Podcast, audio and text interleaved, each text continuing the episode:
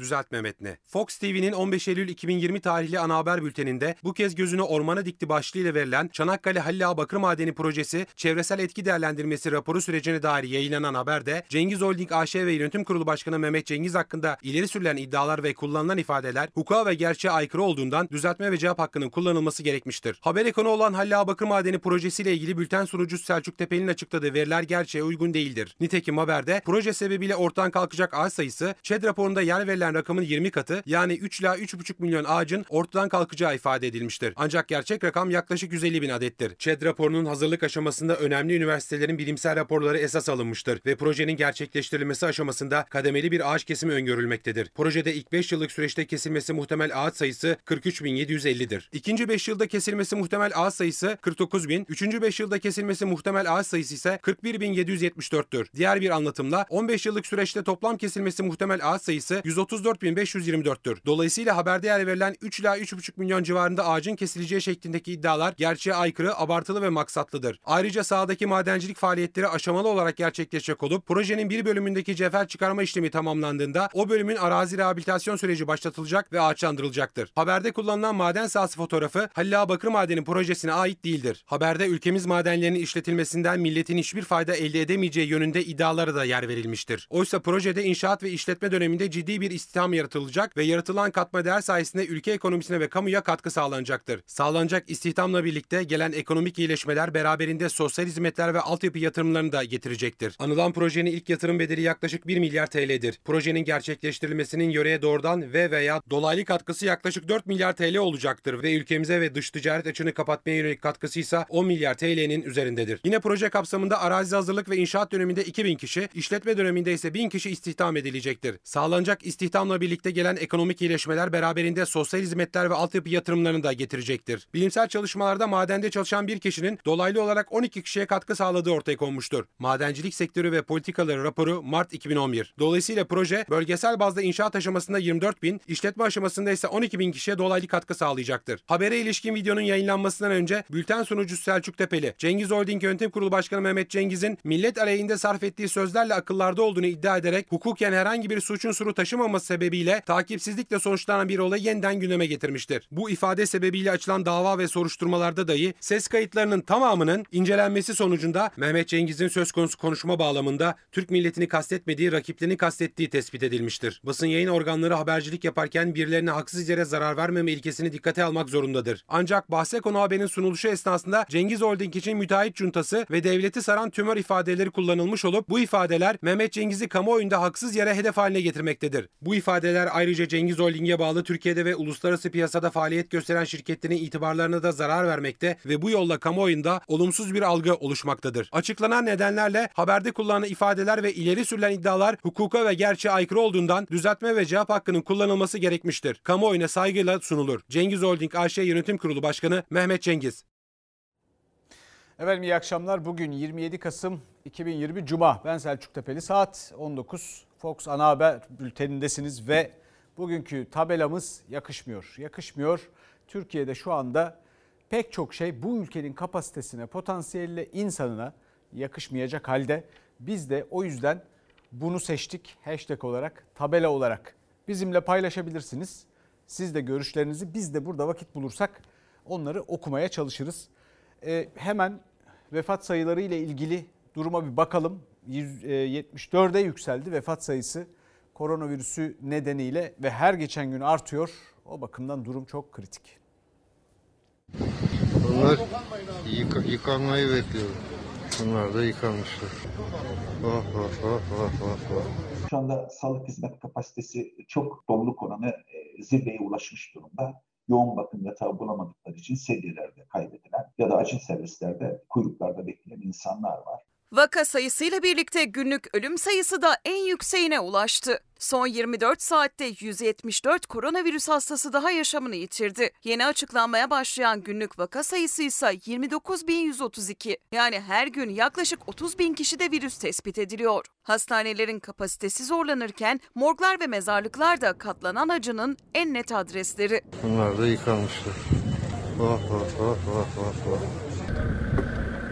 İstanbul Küçükçekmece'deki gasilhanenin görüntüsünü İyi Parti Grup Başkan Vekili Lütfü Türkkan paylaştı. Sıra sıra tabutlar acının da durağa çıktığının kanıtı. Salgının başından bu yana ulaşılan en yüksek vefat sayısı oldu 174. Can kaybı yüzü aştığından bu yana her gün daha da yükseliyor. Evlere düşen koronavirüs ateşi büyüyor. Türkiye'deki ölüm sayıları e, şu anda verilen ölüm sayılarıyla örtüşmüyor. Türk Tabipleri Birliği'ne göre ise vefat sayısı açıklanandan çok daha fazla. Biliyorsunuz mezarlıklar müdürlüklerinden alınan rakamlar geçtiğimiz yılın aynı dönem ortalamalarına göre en az iki kat, e, bazen iki buçuk kat gibi artışlar gösteriyor. Bu açıklanamayan ölüm nedenlerinin de COVID-19'a bağlı olduğu düşünülmekte. Salgının merkezi İstanbul'da Büyükşehir Belediyesi'nin kayıtlarına göre vefat sayısı Türkiye geneli için Sağlık Bakanlığı'nın açıkladığından yüksek. Türk Tabipleri Birliği Genel Sekreteri Doktor Vedat Bulut da bakanlığa seslendi. Verilerin il il açıklanmasını istedi. Tüm verilerin Sağlık Bakanlığı web sayfasında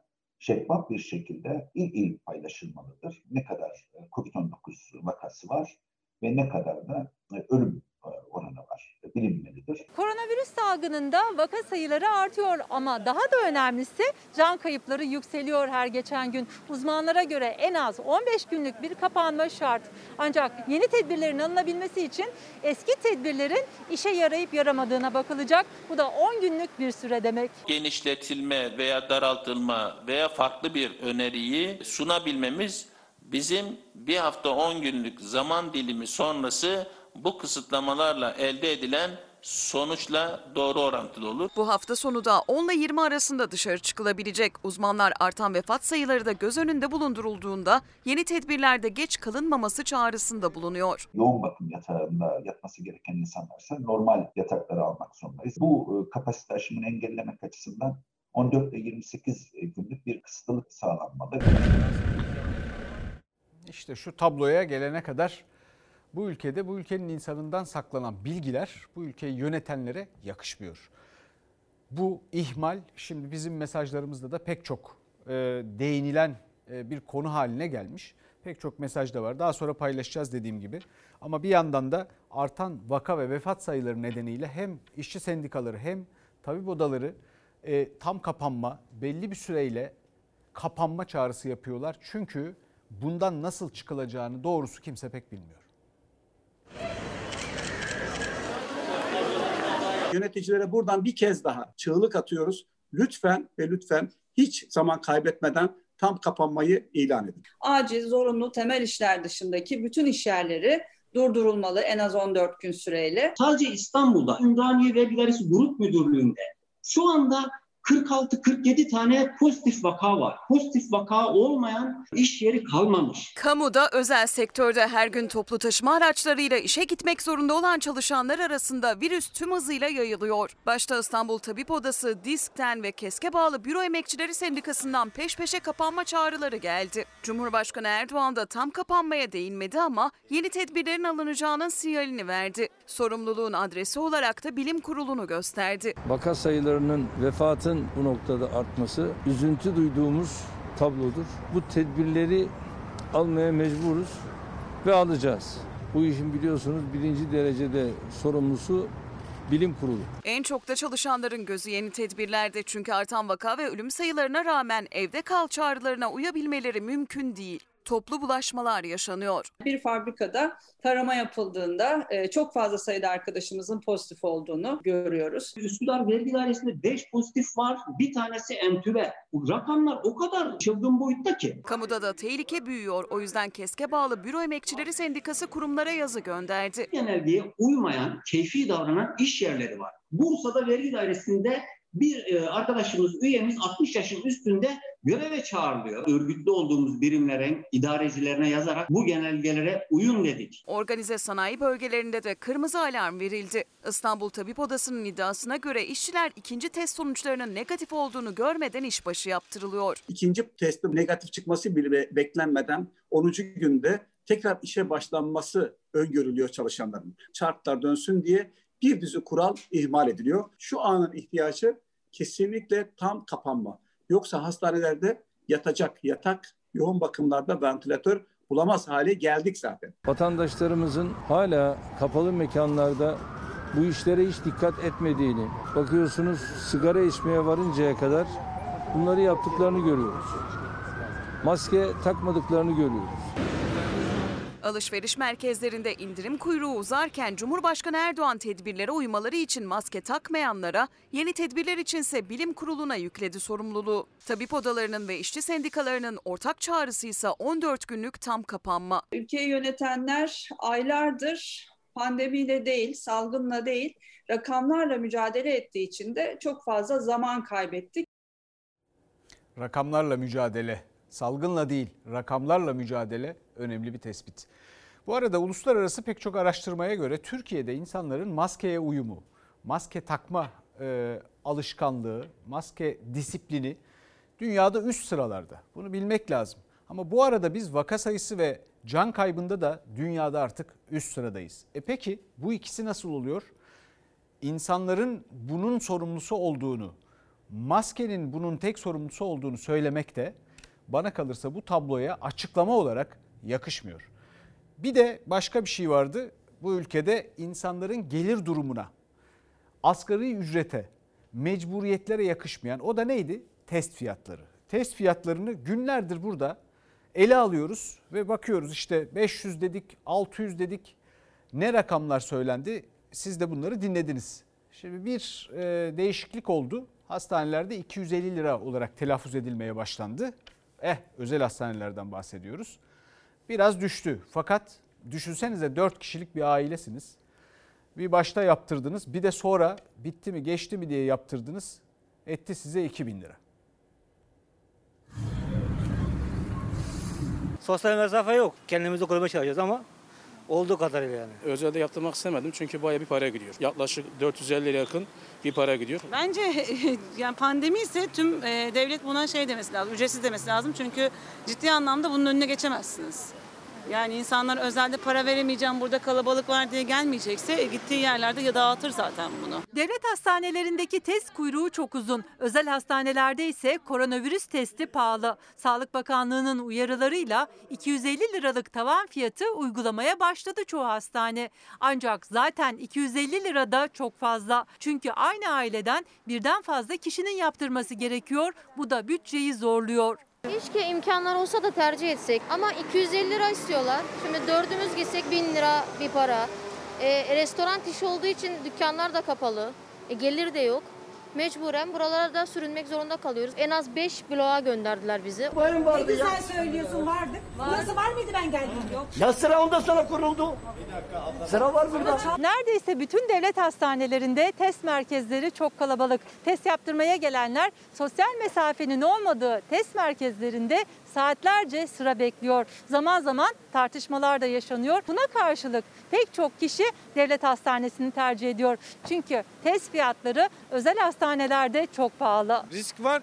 Bende hastalık yoksa orada bulaşacak diye korktum. Ya bu kalabalık riskini göze alıyor koronavirüsten şüphelenenler ya da test yaptırmadan geri dönüyor. Özel hastanelerse yüksek test ücreti almaya devam ediyordu. Vatandaşımız 250 liradan fazla bir ücret istenme durumu söz konusu olursa bize müracaat etsin, lisansın, ruhsatın iptal edilebileceğini özel sektörde bilsin, vatandaşımız da bilsin. Sağlık Bakanı Fahrettin Koca'nın bu uyarısından bir gün sonra bile 550 lira isteyen özel hastane tarifeyi 250 liraya çekti. Ancak zaten 250 lirada testin maliyeti düşünüldüğünde çok pahalı. Ücret öğrenebilir miyim? 550 lira. Tavan ücret vardı 250 lira denmişti. Henüz yaz- yazılı bir beyan gelmediği için onda bir değişiklik yok bizim tarafımızdan. Covid PCR testi yapılıyor. Fiyatı nedir? Kurumsuz fiyatı 250 TL. Sağlık Bakanlığı olarak ilk günden itibaren yurt dışından Çin'den aldığımız 8.75 dolardan aldığımız kit dışında 9.8 liranın üzerinde hiçbir kit alınmamıştır. 29 Temmuz'daki bilim kurulu toplantısının ardından açıklamıştı Sağlık Bakanı Koca. Çin'den gelen kitler 70 lira civarında. Diğerinin ise 10 liradan pahalı olmadığını söylemişti. Özel hastanelere verilen izinse bunun 25 katı. Özel paralı ya. Mecburen bir de devlete gidiyoruz. Bir izleyicimiz demiş ki e, gerçekleri insanlardan saklamak, vatandaşlardan saklamak yöneticilere yakışmıyor. İşler yolundan yolunda gitmeyince, çığırından çıkınca kabahati bilim kuruluna atmak yakışmıyor. Bir başka izleyicimiz devletin salgın döneminde halkını bu şekilde kendi başına bırakması yakışmıyor. Ve yine e, bir izleyicimiz demiş ki e, vaka ve ölüm sayılarını gizlemek, para bittikçe Katar'a bir şeyler satmak yakışmıyor. Şimdi siyasetin tartışmalarına girelim yavaş yavaş. E, salgından başlayalım. Salgında yeni tablo da muhalefeti ikna etmedi. Onlar da eleştirilere derhal başladılar.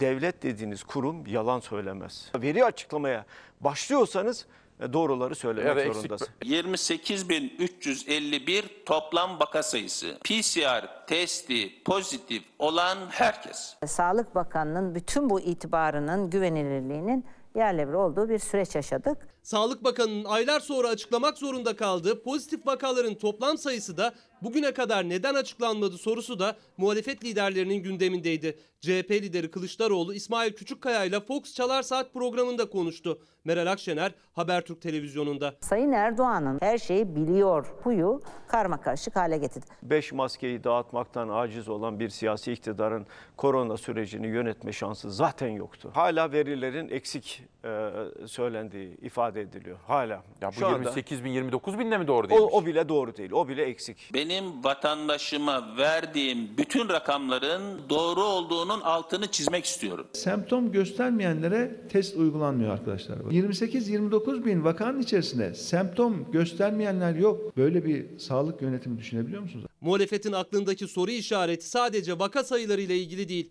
Koronavirüse bağlı vefatların da az açıklandığı tartışması sürüyor. CHP'li belediyeler biz o ölüm oranlarını aldık, sayılarını aldık. Ekrem Bey olayın büyüklüğünü görünce ya bu kadar da olmaz önlem alın dedi yani. Çünkü İstanbul'u yönetiyor. Kendisini sorumlu hissediyor. Ölüm sayıları üzerinden tartışmalarla harcayacak vaktimizin olmadığını düşünüyorum. Bugün İstanbul'da 231 vatandaşımızı kaybettik. Derdim tasam moral bozmak değil, durumu doğru tespit edip gereğini yapmak. İstanbul Büyükşehir Belediye Başkanı Ekrem İmamoğlu değil bu kez İl Başkanı Canan Kaftancıoğlu rakam verdi. 26 Kasım tarihinde İstanbul'da koronavirüse bağlı 213 ölüm var dedi. Bakanlığın tüm Türkiye için açıkladığı vefat sayısından 57 kişi daha fazla. Artık yeter. Şeffaf olun. Halkımız ölüyor. Tablonun bu denli ağır olmasının tek sebebi kötü yönetim. Koronavirüsle mücadele tartışması rakamlar üzerinden sürüyor. Gelecek Partisi lideri Ahmet Davutoğlu da koronavirüse yakalandığını açıkladı. Dünyada ümit aşıda Avrupa'da aşı takvimini netleştiriyor. Ülkelerin aşı takvimi netleşmeye başladı. Bir ülke daha aşı için tarih verdi. Almanya'da Başbakan Merkel aşının yeni yıldan önce gelebileceğini müjdeledi. Aşıya kısa sürede onay verilmesini umut ediyoruz. Bu sorunu hemen çözmez ama tünelin ucundaki ışık göründü. Dünya Covid-19'un yayılmasını önleyecek aşıların onayını bekliyor. Ülkelerse vatandaşları için aşı temini yarışında. Son olarak 69 milyon nüfuslu Tayland, Oxford Üniversitesi'nin ürettiği aşıdan 26 milyon doz almak için anlaşma yaptı. Hindistan 100 milyon doz Sputnik aşısını kendi ülkesinde üretmek için Rusya ile anlaştı. Avrupa Birliği şu ana kadar 6 firmayla 1 milyar 965 milyon doz aşı için sözleşme imzaladı. Sadece Almanya toplamda 300 milyon doz aşı satın alacağını açıkladı. Berlin yönetimi Amerikan ilaç firması ve Türk bilim insanlarının geliştirdiği aşıdan ilk olarak 900 bin doz temin edecek. Eyaletlerde oluşturulacak merkezlerde 450 bin kişiye 2 doz aşı uygulanacak. İlk aşamada sağlık çalışanları aşıdan faydalanacak. 3 ayda 1 milyon kişinin aşılanması hedefleniyor. Almanya aşı haberiyle umutlanırken salgının en zor günlerini yaşıyor. Kısıtlamalar şu ana kadar beklenen sonucu vermedi. Ülkede salgının başından bu yana en yüksek ölüm gerçekleşti. Son 24 saatte 426 kişi yaşamını yitirdi. Vaka sayısı 1 milyonu aştı. Şimdi tartışma konusu kamuoyunda sadece Türkiye'de değil dünyada da aşı ne zaman gelecek? Hangi aşı gelecek ve yaptırılsın mı yaptırılmasın mı? Ipsos'un bir araştırması var dünya genelinde yaptığı Türkiye'de de bir parçası elbette gerçekleştirilmiş. Ve orada görünen o ki e, aşı konusunda %50'yi bulmuyor insanların hemen ilk geldiğinde yaptırmak isteyenlerinin böyle cevap verenlerinin sayısı. Yani bir tereddüt var. En büyük korku da e, yan etkilerinden kaynaklanıyor. Fakat şöyle bir mesele var. Türkiye'de bir de ayrıştığı bir taraf daha var. Türkiye'de neredeyse e, kamuoyu yoklamasına katılanların %70'e yakını e, diyor ki zaten Türkiye'ye gelişmiş ülkelerden sonra gelir bu aşı. Yani öyle bir ümitsizliği de var Türkiye'de bizim yurttaşlarımızın, e, bizim vatandaşlarımızın. E, peki şimdi burada kafalar biraz karışık ve dağınık ama pek çok uzman da şunu söylüyor. Birleştikleri nokta şu. Bu aşı ile ilgili nereden geldiği ile ilgili e, tartışmayı bir kenara bırakmak lazım. Çünkü bu konudaki aciliyet arz eden tehdit salgın. Dolayısıyla bu salgının önüne geçmek için bu aşıyı yaptırmak lazım. Ve yan etkileri konusunda da 3 aşağı 5 yukarı zaten pek çok uzman birleşiyor ve güven duyduklarını ifade ediyorlar. E, sonraki yani tartışmanın sonrası bize gelen aşı nereden geldi, nereden gelmedi? Biz e, birinci sınıf aşı mı, ikinci sınıf aşı mı olduk filan bu kaygıya gerek yok. Uzmanların söylediği bu. Hala memnun değilseniz o başka bir konu. Yani bu bizim imkanlarımızla, ülkenin imkanlarıyla, başka ülkelerin imkanlarıyla alakalı bir şeydir. Bunu sonra değerlendirmek lazım. Çünkü asıl acil olan bu salgının önüne geçmektir ve aşı bu konuda önemlidir. Şimdi e, siyasetten devam edelim. Bir yargıya talimat tartışması var biliyorsunuz. E, bu arada da Kemal Kılıçdaroğlu Cumhuriyet Halk Partisi Genel Başkanı sabah bizim televizyonumuzdaydı. Bu konuyla ilgili önemli şeyler söyledi ve tartışma başka bir noktaya biraz da alevlenerek yöneldi. Yargıya talimatı kim veriyor? Siyasi otorite veriyor. Yani Erdoğan veriyor. Size birilerinin talimat verme hakkı var mı? Benim ne kadar talimat verme hakkım yoksa ana muhalefetin de talimat verme hakkı yok. Kim bıraktı Zindaşlı'yı? Dünyanın en önemli uyuşturucu kaçakçısı. Ben bugünlerde Cumhurbaşkanlığından arıyorlar. Hakimi arıyorlar. Hakim söyledi bunu. Sonra da kalkıp bana anayasanın 138. maddesi var. Ey hakimler talimata uymayacaksınız. Siyasette yargıya talimat tartışması sürerken Hakimler ve Savcılar Kurulu Yargıtay'a 11 yeni üye atadı. O isimler arasında Ankara ve İstanbul Cumhuriyet Başsavcıları da var. Büyük bir çürüme var yargıda. Yargı diye bir şey yok şu anda. Muhalefetin en çok dikkat çektiği başlık yargı bağımsızlığı. Tartışma en son Bülent Arınç'ın Selahattin Demirtaş ve Osman Kavala hakkındaki sözleriyle tırmandı. Uzun tutukluluklarına itiraz etti Arınç. Serbest kalmalılar dedi. Muhalefetten destek, Erdoğan'dan tepki geldi. Neymiş? Filancalar filancalar niye hala hapisteymiş? E bunları herhalde ödüllendirecek halimiz yok. Osman Kavala'yı da Demirtaş'ı da pek çok kişi var aynı şekilde haksız yere siz üç buçuk yıl iddianamesiz bir adamı içeride tutuyorsunuz. Yargıya sesleniyorum. 138. maddeyi eze eze kullananlara karşı gereğini niye yapmıyorsunuz? Anayasanın 138. maddesi hiçbir makam ve mevki sahibi hakim ve savcılara talimat veremez, telkinde bulunamaz diyor. Cumhurbaşkanı Kavala ve Demirtaş için yargıya talimat verildiğini söyledi. Gereken neden yapılmıyor dedi. Atılan adımlar karşısında yargının bu denli sessiz kalmasını ben kabullenemiyorum. Trump papazı ne yaptı? Bırakmazsan dedi bunu başına gelenleri düşün dedi. Trump'ın ikinci tweetinden sonra papazı serbest bıraktılar. Alman gazeteci vardı. Tahliye edildi. Bu talimatla olmasa nasıl olur? Şimdi bu talimatı kim verir? Ben mi verdim? Kılıçdaroğlu yargı bağımsızlığı yok derken anayasanın 138. maddesini ihlal edenin de Erdoğan olduğunu iddia etti. Hakimler ve Savcılar Kurulu da hedefindeydi. Hakimler Savcılar Kurulu'nun broşürü de var. Falan davalarda diyor. Tahliye kararı vermeden önce bize soracaksınız diyor. Ne iktidar cephesinden bir yanıt var CHP liderine ne de Hakimler Savcılar Kurulu'ndan. Ama kurul yeni günde önemli bir karar verdi. Yargıtay'a 11 yeni üye seçti. İstanbul Cumhuriyet Başsavcısı İrfan Fidan da nikah töreni sonrası eşiyle Beştepe'ye Erdoğan'a ziyarete giden Ankara Cumhuriyet Başsavcısı Yüksel Kocaman da Yargıtay'ın yeni üyeleri oldular.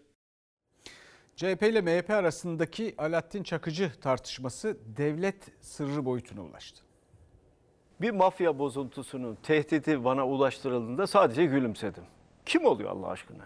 Beş paralık adam. Alaaddin Çakıcı'nın bu devlete, bu millete nasıl hizmet ettiğini bilenler bilir. Bilmeyenler de kendileri bilir. Devasa bir milli istihbarat teşkilatını getirip de bir suç örgütüyle yan yana nasıl koyarsınız ya? Siz devlet adamı mısınız Allah aşkına ya? Sizin bir siyasi sorumluluğunuz yok mu Allah aşkına ya? CHP lideri Alaaddin Çakıcı hakkında yine mafya bozuntusu ifadesini kullandı. Ama hedefinde en çok da Bahçeli vardı. MHP liderinin Alaaddin Çakıcı devlete hizmet etti açıklaması. Alaaddin Çakıcı ve onun gibi arkadaşlarımız Bir dönem Türk devletine karşı saldırı ve suikast düzenleyen terör örgütleriyle korkusuzca mücadele etmiştir. Beni üzen o beş paralık adamın Milli İstihbarat Teşkilatı'nın arkasına sığınması. Ve bunun da Devlet Bahçeli tarafından dile getirilmesi. Ne demek o efendim? Efendim Ermeni terörünü o önledi. Kılıçdaroğlu sokağa çıkmaya korkarken onlar 31 diplomatımızı şehit eden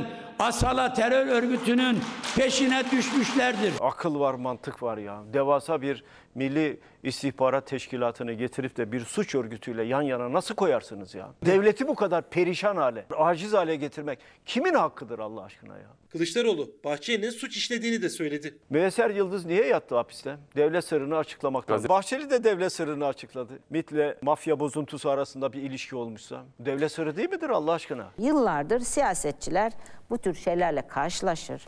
Ama ilk defa bir e, siyasetçiye yapılan tehdit ve hakarette bir başka siyasetçi o hakaretin yanında durdu. Ama bu tehdit Abdülhamit Gül üzerinden yapamazsın reformu kardeşim demektir. İyi Parti lideri Meral Akşener de Cumhurbaşkanı Erdoğan'ın sessizliğini eleştirdi. Kılıçdaroğlu'na yapılan tehdit aslında yargı reformu mesajı dedi. Efendim biz iki haftadır aşağı yukarı neyi konuşuyoruz? İşte ekonomik alanda reformlar, adalet reformu bütün bunlar ekonomiyi düzeltmek için, ekonomideki sıkıntıları gidermek için çok büyük gerçekten tarihte az karşılaştığımız cinsten sıkıntılarımız var ve elbette buna salgının da bir katkı e, e, yarattığını söyleyebiliriz. E, bu re, e, reform çalışmaları ile ilgili kimsenin pek bir şey anladığı da yok öte yandan.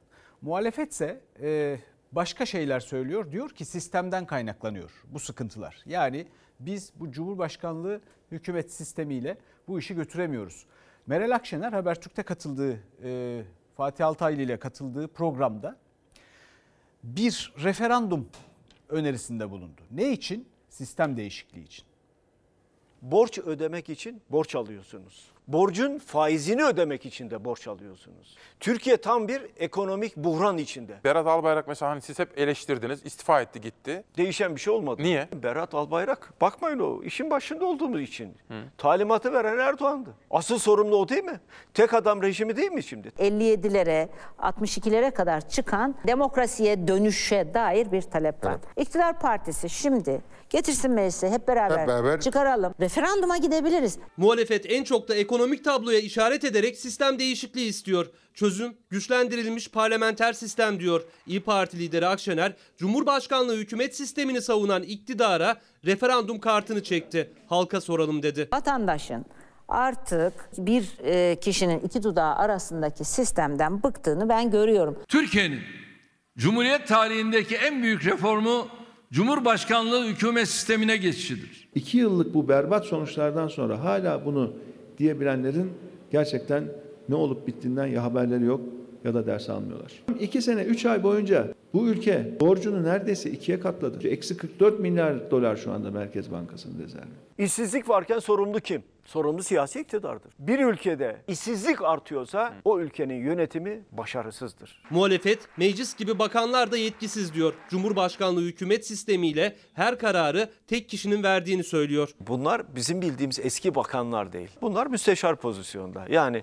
siyasi otoriteden talimat alıp onun gereğini yapan kişiler. Hala parlamenter demokrasiden bahsedenler var. Bakan açıklama yapıyor. Sayın Cumhurbaşkanımızın talimatlarıyla. Sayın Cumhurbaşkanının talimatını yapıyorsan o zaman ben bunu hiç düşünmüyorum. Bir kişinin önemi var o bana söyledi. Bu tek adam rejimidir. Adaleti yok ettiler, özgürlükleri yok ettiler. Sonunda da ekonomiyi dibe vurdurdular. Yorulduk. Siyasetçi de yoruldu, seçmen de yoruldu. Ekonomi, hukuk ve demokraside yepyeni bir seferberlik başlatıyoruz. Sistem tartışmasının gölgesinde Cumhurbaşkanı'nın ekonomi ve hukuk denkleminde verdiği reform mesajları sonrası yeni Hazine ve Maliye Bakanı Lütfü Elvan'la Adalet Bakanı Abdülhamit Gül de iş dünyasının taleplerini dinlemek için ilk toplantısını TÜSİAD'la gerçekleştirdi. Bakan Elvan toplantı verimli geçti dedi. İkinci toplantı Türkiye Odalar ve Borsalar Birliği ile.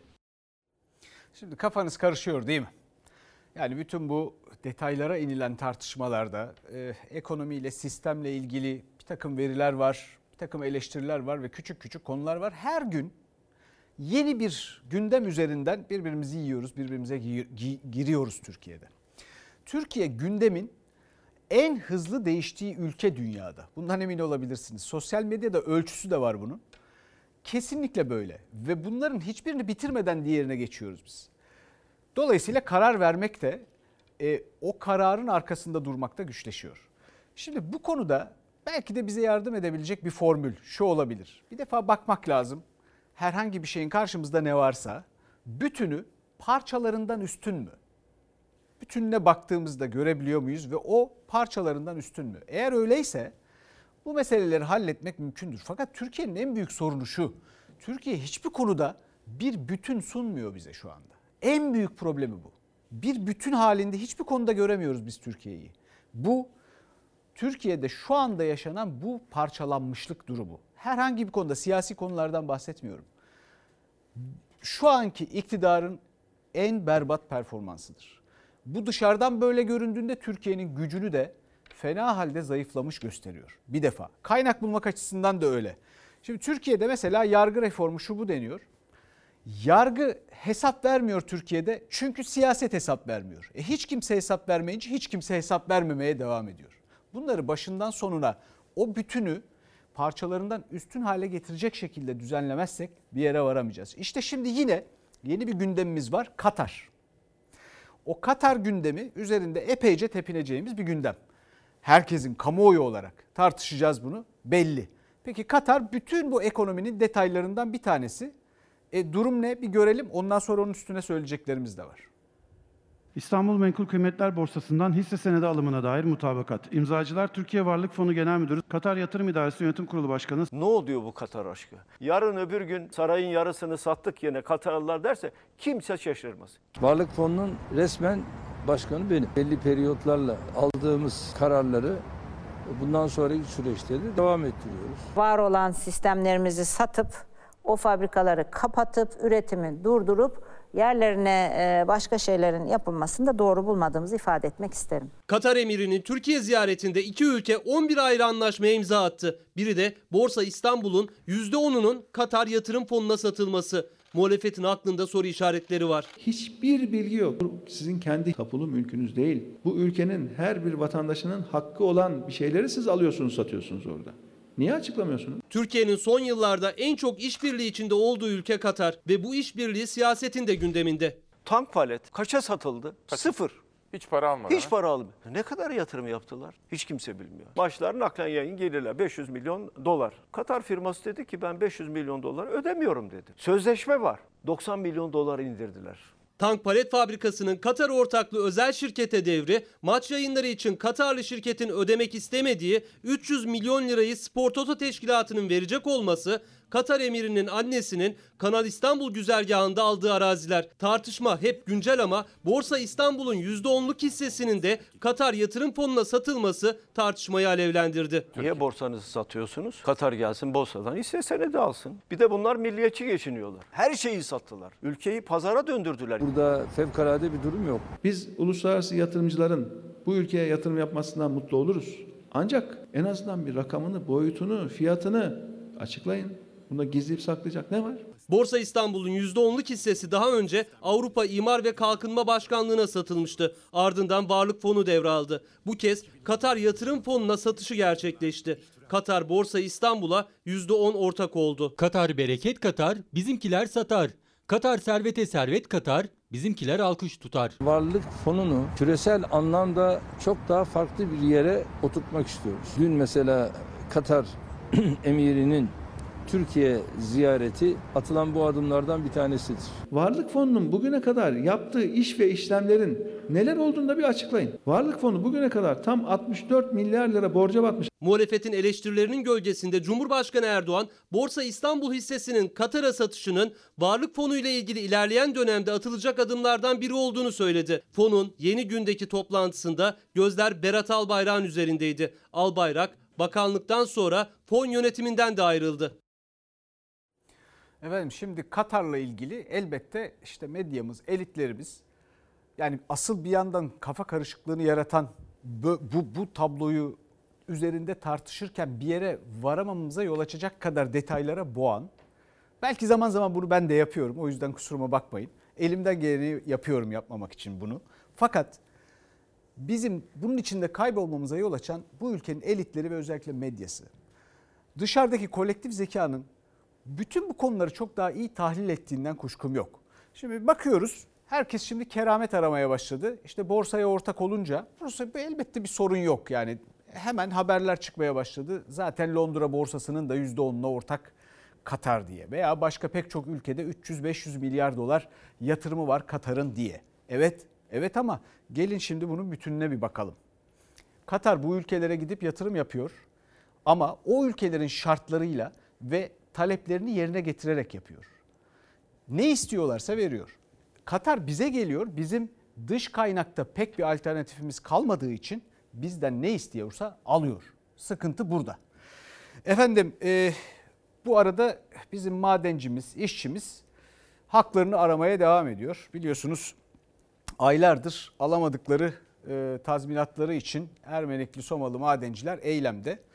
İçişleri Bakanı Süleyman Soylu Meclis Plan Bütçe Komisyonu'nda milletvekillerinin sorularını yanıtladı ve dedi ki e, ben işçiden tarafım. Sahadaki görüntülerse başka şey söylüyordu.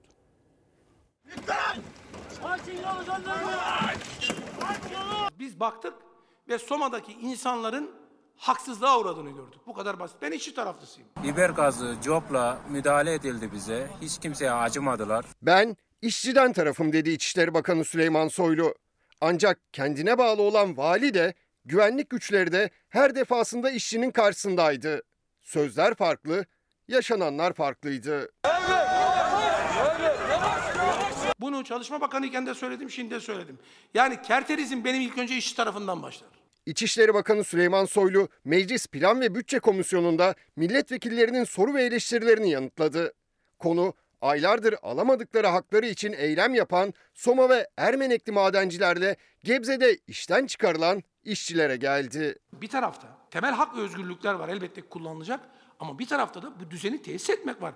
Bunu sağlayan ben değilim. Süleyman Soylu madencilerin yanında olduğunu ifade ediyor. Ama bize niçin jandarma tarafından biber gazı ve coplarla beraber müdahale edildi? Bunun cevabını bekliyoruz. Anayasa Mahkemesi'nin şehirler arası karayollarında gösteri yürüyüşleri düzenlenemez kararını iptal etmesine ve o kararı vali ve polisin tanımamasına da değindi İçişleri Bakanı.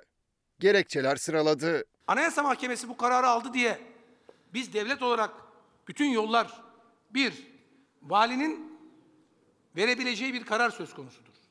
Yani gösteri ve toplantı yürüyüşleriyle ilgili.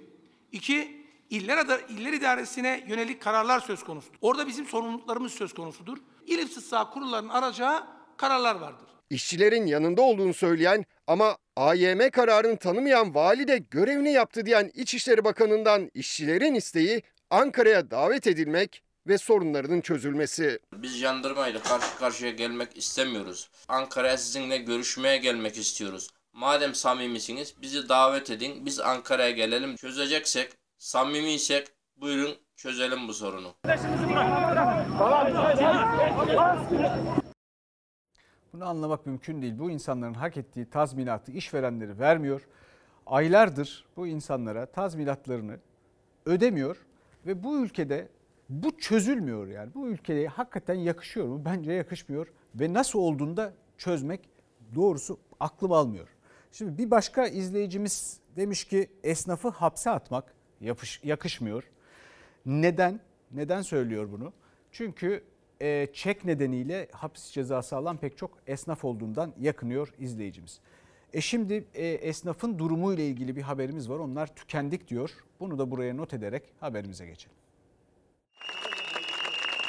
Kiralarımızı ödeyemiyoruz. %70 zaten işlerimiz düştü. Birinci krediyi çektik. Onu karşılarken ikinci krediyi çektik. Şu anda artık bunların ödemeleri başladı ve biz artık bunları ödeyebilecek durumumuz kalmadı. Dönmüyor vallahi hiç kesinlikle dönmüyor. Dükkan açık ama sabahtan beri oturuyoruz. Böyle giderse ne olur? Batarız yani kesinlikle batarız. Kimi battı, kimi batmak üzere. Esnaf artık siftahsız geçirdiği günleri sayamıyor. Destek talebiyle meydanlara indiler.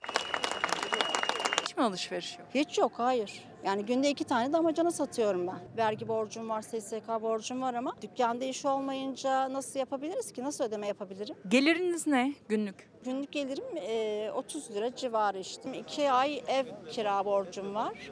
Üç de dükkanım. Arzu Demet'te İstanbul Kadıköy'de sesini duyurmaya çalışan onlarca esnaftan biri farklı ilçelerden geldiler, ortak geçim sıkıntısında buluştular. Giderlerini saymaya nefesleri zor yetti. paket servisi veya online satışla binlerce çalışanı olan koskoca bir sektörün ayakta kalacağına inanmadığımız gibi burası çok komik arkadaşlar. Hala kira stopajı, SSK stopajı, muhasebe stopajı, damga vergisi, kurumlar vergisi, eğlence vergisi, işgaliye vergisi, katı atık ve çöp vergisi, tabela reklam vergisi ve faturalardan alınan vergiler tahsil edilmeye devam ediliyor. İnsanlar zaten alım gücü düştü, alıp götüremiyor. Esnafın ayakta kalabilmesi için müşteri gerekiyor. Ancak o müşterinin esnafa uğrayabilmek için cebinin dolu olması gerekiyor. Birçok aile gelir sıkıntısıyla birlikte artı gıdım gıdım alışverişle günü kurtarmaya çalışıyor. Esnafsa değil günü kurtarmak, dükkanını kapatmakla karşı karşıya. Kişisel birikimlerimizi bozduk, arabamızı sattık, kimi küçülmeye gitti, dükkan sattı. Yani herkes elindeki birikimleri sonuna kadar kullandı. Somut destek bekliyor esnaf. Kredi çekseler ödeyemiyorlar. Borçlara yapılandırma geliyor yine ödeyemiyorlar. Çünkü iş yok. Hiçbir şekilde satış yok. Hiçbir şekilde satış yapamıyoruz. Bir ay, iki ay daha devam ederse ve herhangi bir destek paketi çıkmazsa muhtemelen esnafın %80'i, 90'ı dükkanlarını boşaltıp kapatıp gitmek zorunda kalır yani. Destek paketinden kastınız kredi mi? Kredi zaten bir önceki kredileri ödeme zamanı geldi. Karşılıksız en azından insanların bu bir ayı iki ayı geçirebileceği, kiralarını ödeyebileceği, personellerine en azından ceplerine harçlık koyabilecekleri bir paketin sunulması gerekiyor diye düşünüyorum. Çiftçilerin borçları nedeniyle Amasya'da yaşanan e, traktör hacizlerini duyurmuştuk biliyorsunuz. O çiftçiler şimdi seslerini duyurmak için yollarda çünkü yeni hacizler gelmeye devam etti.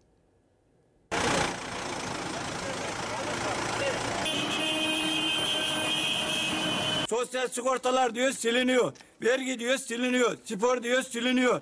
Orman köyleri diyor siliniyor. Buradaki traktörleri, arabaları komple haciz ediyor gidiliyor. Köyde kalan son traktörlerle bir araya geldiler, seslerini duyurmaya çalıştılar. Tarım kredi kooperatiflerine borçları nedeniyle Amasyalı çiftçilerin traktörleri haciz edildi. Ekmek tekneleri olmadan o borçları nasıl ödeyeceğini bilmiyor çiftçiler. Traktörlerini geri istiyorlar. Traktörüm gittiği için ekim dikim yapamıyorum. Traktörüm olmazsa ben zaten bu borcu hiçbir şekilde ödeyemem. Traktörleri, tarım aletleri yani üretip kazanmaları için gerekli olan araçları borçları nedeniyle haciz edildi 19 çiftçinin. Zaten tarım kredi kooperatiflerine borcu olmayan da yok. Yani aynı haciz tehlikesiyle hemen hepsi karşı karşıya. Amasya Kızılca Köyü'nün çiftçileri borçları yapılandırılsın diye eylemdeydi. Tarım Tefeci Kooperatifi istifa yazılı pankart açtılar.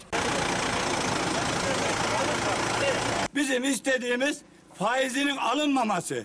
Borcumuzu da taksit yapsın, güzel güzel ödeyelim. Devlete olan borçlar yapılandırıldı ama çiftçiler kapsam dışı bırakıldı. Zaten tek yükü de o borcu değil üreticinin. Yüksek maliyetler altında da ezilmeye devam ediyorlar. Hükümetimizden istediğimiz çiftçilerimize ve üreticilerimize fide, tohum, gübre ve ilaç maliyetlerinin fiyatının düşürülmesi, fiilen üretici desteklemesi bekliyoruz.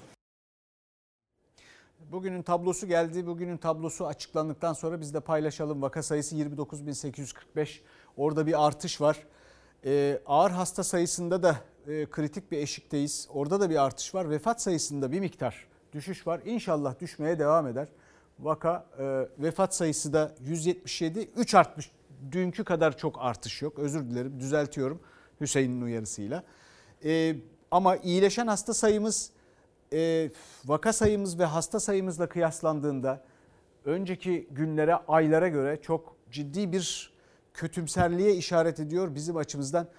Yani e, bu arada da biliyorsunuz tedbirleri bekliyoruz. Bir sokağa çıkma kısıtlaması var hafta sonu. Pek çok izleyicimiz bu akşam başladığını düşünüyor. Bu akşam başlamayacak. Yarın e, biz de e, bunlara riayet edelim ama bunların yetersiz olduğunu da herkes söylüyor. Bir kere daha altını çizelim. Efendim şimdi e, gençlerin, üniversite öğrencisi e, gençlerin işsizlik korkusu ve kabusunu nasıl tarif ettiklerine bir bakalım. Ailem işçi, işçi babam. Aşağı yukarı 5-6 ay o da çalışamaz duruma geldi. Sadece 39 lirayla e, ücretsizliğine çıkardılar. Benim şu an kredi borcum da var aynı Ne zamanda. kadar kredi borcunuz? öğrencisi. e, 20 milyara yakın Hem çalışıp hem de okuyordu üniversite öğrencisi Gökhan Alkan. Çünkü annesi de babası da aslında işsiz kaldı. Ama işten çıkarmalar yasak olduğu için günlüğü 39 liralık ücretsiz izin maaşı alıyorlar. Üstüne salgın nedeniyle Gökhan'a da restoranlar iş vermiyor artık. O ve pek çok arkadaşı eğitim masrafları için çalışmak zorundaydı. Ancak yarım asgari ücrete bile muhtaç kaldılar. gündelik çalışıyordum zaten. Hem part time çalışıyorum hem de gündelik iş çıktığı zaman beni çağırıyorlardı. Çoğu üniversite öğrencisi bir yandan okurken bir yandan da çalışmak zorunda kalıyor. Bir yanda geçim derdi, bir yandaysa daha hayata başlamadan başlayan kredi borcu yükü. Pandemi nedeniyle şimdi bir de işsizlikle mücadele ediyorlar. Ben mesela kişisel olarak bilgisayarım yoktu ve ödevlerimi bile yap- yapamadım. Hocalarımla görüşmek zorunda kaldım. Derslere giremediğim için. Babam inşaatçı. Kredi çekerek bana bilgisayar almak zorunda kaldılar. Onlardan da bilgisayar almalarını istediğimde de ben de zorlandım aynı zamanda. Onlardan böyle bir talepte bulunmam. Garson, komi ya da kurye olarak çalışıyorlardı. Çoğu işsiz kaldı. Mezunların bile iş bulamadığı bu dönemde çalışırken iş bulmaları da çok zor. Zaten başka sektörlere girme gibi imkanımız da yok. Şu an üniversite okuyorsun o yüzden sana hiçbir şekilde iş veremem gibi şeylerle karşılık e, buluyoruz. Bizlere reva görülen burs ve krediler temel yaşam giderlerimiz için gereken aylık harcamaların yarısını dahi karşılamıyor. Burslar ya da krediler de yeterli gelmiyor. İşsiz kalan üniversite öğrencileri diske bağlı dev turizm iş çatısı altında öğrenci komisyonu kurdu. Seslerini bir de böyle duyurmaya çalışacaklar. Çünkü onlara aileleri de destek olamıyor bu dönemde. Elektrik faturamızı ödemediğimiz için elektriğimizin kesildiği dönemi biliyorum. Aynı zamanda internet altyapımız olmadığı için derslere giremediğimizi biliyorum. İnternet faturamı ödeye- ödeyebiliyor olmam lazım ve bütün bunların dışında en temelde de hayatıma devam edebiliyor olmam lazım. Yani e- evde yemek pişiyor olması lazım. E, bir şekilde diğer ihtiyaçlarımı karşılayabiliyor olmam lazım ama bütün bunlar için e, ne gelir var ne iş var. Türkiye Gazeteciler Cemiyeti Sedat Simavi ödülleri sahiplerini buldu. Fox Haber, Beril Ötkan ve Berkcan Tuğ'un işsizlikle ilgili haberiyle bu ödüle layık görüldü. Hanımefendi çay içmek isteyen var mı? Ben işsizim. En son kızım dedi baba dedi "ev- ekmek yok. Evde termosum vardı çay demledim. Şey yaptım ya. Durumum bozuk. Tüm Türkiye'nin içine işlemişti o cümleler. İş bulmak için geldiği işkur kapısında satmaya çalıştığı birkaç bardak çayla evine ekmek götürmeye çalışan iki çocuk babasının çaresizliğini ekrana taşımıştı Fox Haber. O haberin altında imzası olan Fox Haber muhabiri Beril Ötkan ve kameraman Berkcan Tuğ, Türkiye Gazeteciler Cemiyeti Sedat Simavi ödülüne layık görüldü. Türkiye zor günlerden geçerken iş yerleri bir bir kapanırken Salgın döneminde binlerce iş yeri kapandı. On binlerce yeni yüz eklendi işsizler ordusuna. O yüzlerden biri olan 45 yaşındaki Yusuf Derin'in hikayesine İşkur kapısında ortak oldu Fox Haber ekibi. Çay içmek isteyen bir ekmek parası için çay satıyorum. Evde ekmek yok başlığıyla yayınlanan o haber muhabir Beril Ötkan ve kameraman Berkcan Tuğ'ya Fox Haber'e Sedat Simavi ödülleri yılın televizyon haberi ödülünü getirdi. Babalar işsiz, çocuklar işsiz, üniversite öğrencileri işsiz. Hepsi atama bekliyorlar ve atama o kadar çok dile getirilen bir mesele ki her sektörde, her alanda Türkiye'nin bütün bu atama taleplerini yerine getirip devlet olarak herkesi memur yapması mümkün değil. Ama bu durum neden kaynaklanıyor? İşte genç işsizliği hakikaten bu ülkeye yakışmıyor. Çünkü bu ülke genç bir nüfusa sahipti. Ti diyorum çünkü o klişeyi de bir değiştirelim artık. Türkiye artık genç bir nüfusa falan sahip değil. Doğum oranlarına ve nüfusun artışına bakılırsa Türkiye 2023'te çok yaşlı nüfuslu ülkeler sınıfına girecek. Biz genç nüfusumuzu o kadar hızlı yitirdik ki üstelik işsizlik içinde üstelik ülke zenginleşemeden yaptık bunu. Bu büyük bir israftı. Bunun açığını nasıl kapatacağız bilmiyorum. Sonra konuşmaya devam ederiz. Bir reklam arası. Efendim bir gün Mevlana'nın der- dergahının kapısına bir sarhoş dayanıyor. Ve etrafındakiler de adamı tekme tokat kovalıyorlar. Mevlana geliyor diyor ki ne yaptınız? Ya adam sarhoştu diyorlar. Ya diyor adam sarhoş kafayla bizi bulmuş. Siz sarhoş diye onu kovuyorsunuz. Şimdi bütünü parçalarından üstün mü diye bakmak lazım derken kastettiğim budur. Biz bir bütün oluşturmak zorundayız ve eğer oluşturduğumuz bütün parçalarımızdan üstünse emin olun hepimiz için bu hayat daha iyi olacak. Ülke de çok daha güçlü olacak. Fakat biz bunu yapmıyoruz. Biz birbirimizi dinlemiyoruz. Biz dinlemediğimiz gibi birbirimizle üzülüp birbirimizle sevinmiyoruz bile artık. Ve bu önemli bir meseledir.